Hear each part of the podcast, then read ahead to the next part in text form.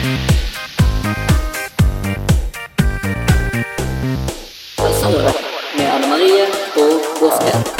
er vi klar for Helserådets podkast nummer tre. Og i dag skal det handle om Anne Marie? Det skal handle om å begynne på videregående skole. Og det handler om overgangen fra ungdomsskole til videregående. Og vi som har denne podkasten, heter Anne Marie, helsesykepleier på Metis. Og rådgiver på Metis videregående skole Gosken. Og vi har med oss, som alltid, så har vi med oss en ordentlig elev som i dag heter Isabel. Nå er det jo sånn at eh, skoledag, skolen begynte i går på Metis. Og eh, i dag begynner det på de andre skolene i Hordaland. Og nå er det veldig mange spente elever som har kanskje grudd seg og gledet seg til å begynne. De har hatt en lang sommerferie med gaming og sol og bading. Og så kommer de på videregående skole som de kanskje ikke kjenner noen fra før av. Og det kan være både spennende og det kan være utfordrende. Og siden vi er så heldige å ha Isabel med, skal vi høre hvordan var din eh, første skoledag. Du begynte i går, eller i dag? I går? I går. I går, ja. Hvordan ble du møtt på skolen, og hva er forskjellen sånn så langt på videregående ungdomsskole? Jeg er heldig og har i hvert fall en jeg vet hvem er, så jeg har noen å gå hit med. Men hvis det ikke hadde vært det, så hadde det vært sikkert mye skumlere. Men det er jo det at man ikke kjenner noen spesielle og må liksom møte bare nye folk. Og reiseveien er mye lengre. Hvordan kjente du det på kroppen da når du skulle begynne på første skoledag i går? Hvordan kjentes det ut? Spent og veldig skummelt. Hadde du hjertebank og litt sånn eh, vondt uh, Kjente du sommerfuglen i magen? Ikke så mye. Det er mer sånn klam i hendene eller kald eller noe sånt. Det er jo liksom ganske vanlig erfaring er jo at folk som er, skal begynne på videregående skole, at det ikke eh, nødvendigvis er angst, men at det er, du kjenner det på kroppen. Du kjenner det sånn som du sier, er klam i hendene og svetter. og Noen får hjertebank og andre symptomer. Er ikke det vanlige Ja. ting å ha, Anne Marie? Og det, det kaller vi jo ofte angst, da. Og det er på en måte ingenting med det som vi kaller angstlidelse å gjøre. sant? Dette er sånn normal angst eh, og bekymring eller sånn ubehag som vi har når vi skal gjøre nye ting. Eh, Eller alle forandringer i livet. Vi, egentlig så liker vi ikke forandringer. Vi, men samtidig så er det alltid forandringer i livet. Du må gjøre ting du ikke egentlig har lyst til hele tiden. F.eks. å begynne på videregående. Og du har gjort det før, du har begynt på ungdomsskolen før. Det var også like spennende og like skummelt. Men kanskje det å gå på date eller eh, snakke i forsamlinger, det er også sånne ting som gir akkurat de samme følelsene. Og det er jo på en måte en del av livet, som jeg sier. og eh, vi kommer ikke utenom det. Og det er ganske nødvendig også for å, at vi skal komme videre i livet, eller utvikle oss, eller bli sterke og modige og sånn inni oss, da. Så trenger vi å ha sånne utfordringer. Nå var du heldig eh, egentlig litt, for du kjente en elev fra før av. En som gikk her fra før av, eh, skjønte jeg, sant? Men, men eh, hvis um, ikke du hadde kjent noen som hadde gått på skole fra før av, hva, hvordan hadde det vært for deg da, hvis du kan prøve å tenke sånn? Jeg hadde nok vært mye mer redd for å gå bort til skolen for å liksom finne et sted å sitte, eller snakke med folk. Ja. Og det er jo sånn som vi har sett før når vi har snakket med folk før, er jo at det, å- det å ha, ha noen som kjente fra før av, kan være veldig greit. Men så er det også opp til de som går der og tar imot, hvordan skolen kan gjøre det. Så Skolen må jo også være flinke til å ta imot elever. For det er mange her som går på denne skolen, og alle skoler som aldri, som ikke kjenner noen. Hva, har du noe forslag til skolen, hvordan vi har gjort det, hvordan vi kan gjort annerledes, eller skolen kan gjøre sånne ting? Ble i hvert fall ganske godt tatt imot, og fikk Vi har gjort masse sånn bli kjent-leker, så jeg har fått mange venner allerede i klassen, så jeg kan snakke med og være med. Ja. Vi har jo da innført VIP-makkerskap her på skolen i år. Eh, det har du fått med deg. Var det bra? Det syns jeg var veldig greit. Ja. Det betyr at man har en makker, alle får hver sin makker, og alle får hver sin makkergruppe. Og da skal man ha en sånn spesielt, eh, være spesielt oppmerksom på hverandre og ta vare på hverandre. Det er jo en trygghet, ikke det? Mm. Og så sitter man ved siden av hverandre i klassen. Eh, jeg tenker det er en sånn forutsigbarhet og en trygghet når man begynner. Kan du huske noe eh, eller, jeg, Det er så lenge siden jeg gikk på skole, men eh, jeg klarer ikke å huske når du begynte på ungdomsskole. Kan du huske noe for forskjell, eh, Isabel, fra overgangen fra barneskole til ungdomsskole? Eller kanskje du gikk på samme skole? Fra barneskole til ungdomsskole var det også ganske sånn spennende og sånt, men det var også mye mindre frihet. sånn egentlig. For det var litt strengere regler og litt mer sånn Det skal vi gjøre nå og sånt.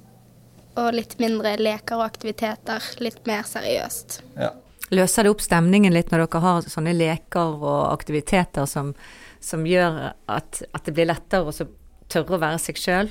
Ja, det hjelper jo på skolen, sånn at det ikke bare sitter og skriver eller bare leser, men at vi gjør noe i lag. Mm. Og blir bedre kjent og sånt. Mm. Men jeg snakket akkurat med en jente før jeg kom ned her. Eh, og, og da snakket vi akkurat om det at det er litt skummelt eh, når du begynner. Og hun har gått to dager sånn som deg. Og hun sa det virket som om hun allerede hadde gått to uker, for på de to dagene så har det skjedd så mye, det er så mye inntrykk da. Men er veldig, man er veldig tilpasningsdyktig, og, til, og, så føles det jo på en måte at man kommer veldig fort inn i det. Og så blir det på en måte vanlig og trygt ganske fort. Ja. Og det er jo en trøst. Ja. Men, men det vi har lært og skolen har lært, og det vi har skjønt når vi har snakket med ungdommer tidligere, er jo at det, det kan være greit å ha eh, faste aktiviteter. At det er litt rammer rundt eh, de første dagene for å gjøre det litt eh, eh, overgangen litt mykere. sant? F.eks. dette med, som vi har, som vi makker, at vi har, du blir tvunget til å sitte siden av folk. sant? Ikke plutselig sitter noen alene. ja. Jeg syns det var mye greiere, for hvis ikke så tror ikke jeg hadde blitt så kjent med de som jeg snakker med nå. Nei. Og så er det jo eh, også viktig at man tar initiativ sjøl. At man eh, ikke bare sitter og venter på at andre skal ta initiativ, men at man tar kontakt sjøl. Og, og selv om det er litt ekkelt, og, og sånt, at man tør å være modig og gå bort til noen og, og spørre hvordan det er, eller si hei og sånn. Det koster litt, det er litt ubehagelig, men så blir det kanskje bedre for både deg sjøl og den andre. Det som jeg tror er viktig, det er jo at uh, den som er, føler seg litt ensom, eller er, uh, er ensom og ikke føler seg egentlig at er, også jobber litt med seg sjøl og inviterer seg med. Altså når man Det er jo normalt at man spør om skal man være på butikken, skal man spise lunsj, og, men det er ikke alltid folk husker å spørre andre om det. Sant? Og det kunne være litt på sjøl. Altså, elever har jo litt ansvar sjøl også, tenker jeg. Eller er ikke det riktig, eller? Er det for mye for lange? Hva tenker du? Jeg syns jeg er enig, men det er ikke alltid like lett å ta kontakt heller. Ja. Jeg har jo en sånn regel at du skal gjøre mot andre det du vil at andre skal gjøre mot deg. Det er egentlig fra Bibelen, det er ikke meg som har funnet på det. Men det er faktisk en ganske god leveregel, da. At, eh, at hvis man tenker på det, da. Og også tenker at alle andre er like usikre og like redde som deg sjøl, og like eh, ensomme også. Sånn at det, det å tenke Også det, en annen ting som jeg pleier å si, det er at hvis andre klarer det, så skal jeg òg klare det. Det kan også være en god ting. Men har du noen andre tips som du kan gi her, hva, hva man skal gjøre, hvordan man skal håndtere dette ubehaget og angsten når man, når man gjør noe som er helt nytt, og som man er litt redd for? Prøv å ta kontakt med andre og finne noen du er trygg på, og kanskje holde deg med de en stund. Ja. Og jeg har også et tips. Har, altså det er i forhold til hvordan man tenker. Sant? For når man blir litt redd, eller når man skal gjøre noe som er skummelt, så har man en tendens til å tenke mye sånn negative tanker. Man, man, blir litt, eh, man er jo ofte sin egen verste kritiker. Man begynner å tenke negativt om seg sjøl. 'Jeg er ikke god nok'. Jeg, man er jo redd for at folk ikke skal like en, eller at man skal bli avslørt som den man egentlig innerst inne er, og kanskje en som ikke fortjener oppmerksomhet og sånne ting. Vi, er, vi begynner å tenke sånn negativt, og da er det viktig å stoppe disse negative tankene. Og si nå må du slutte. Nå ikke tenke sånn, Begynne å tenke positivt. Jeg er like bra som andre. Jeg, dette er bare sånn tulle-tøysetanker som ikke er noe hjelpsom og nyttig for meg å tenke nå. Eh, og en annen ting som vi pleier å si når ting blir vanskelig, når jeg skal opp og snakke i, foran foreldre eller på foreldremøte eller holde foredrag og sånne ting, eh, så begynner jo kroppen min også å reagere sånn som, sånn som dere sa. Jeg begynner å få hjertebank og puste og svette og bli nervøs og få vondt i magen. Og da begynner jeg å puste i firkant. Dette er, sånn, dette er vi kjent for å snakke om her på Metis, men det kan aldri sies for, my for mye. Det å puste helt ned i magen. For når vi blir redd, så puster vi veldig overfladisk med, bare med, med, med skuldrene, nesten. Og da får ikke kroppen nok oksygen, og da begynner hjertet å slå enda fortere. Da bare forsterker vi alle disse symptomene. Så det å puste helt ned i magen, og se for deg en firkant når du puster. Puster inn når du går opp, og så ut, litt lenger utpust enn innpust, og så inn igjen, og så ut, og så puste helt ned i magen. Ja. Jeg går sånn eh, på gaten, jeg av og til. Veldig virksomt. Pusteteknikk er veldig lurt når man er nervøs. Og, ja, og alle blir jo nervøse. Den følelsen du har nå, Isabel, da du kjente med eh, svett i hendene, det er jo akkurat sånn som Anne Marie sier også, at man, det får jo jeg når jeg skal stå foran en forsamling, foran en klasse, foran foreldre. Og det er jo de samme symptomene. Og, men det svetter jo mindre og mindre for hver gang, for det er jo en treningssak. sant? Og det er jo eh, Du blir tryggere og tryggere. Til slutt blir jo det veldig greit å stå foran eh, klassen. Så det er jo akkurat sånn, For dette er jo litt det samme følelsene og symptomene som man får når man skal ha en prøve. Muntlig fremføring, f.eks. Det er litt sånn klassisk at det blir litt på samme måten. Har dere hatt noen muntlige fremføringer på, på ungdomsskolen? Ganske mange. Hvordan var det, da? Ikke så kjekt Hva var det som ikke var kjekt? å stå foran alle og snakke. Hva skjedde da? Man blir veldig fort nervøs. Og når man blir nervøs, så kan man snakke fortere, og så glemmer man ting. Og så bare skulle det være en presentasjon på ti minutter, og gikk ned til fem. Ja.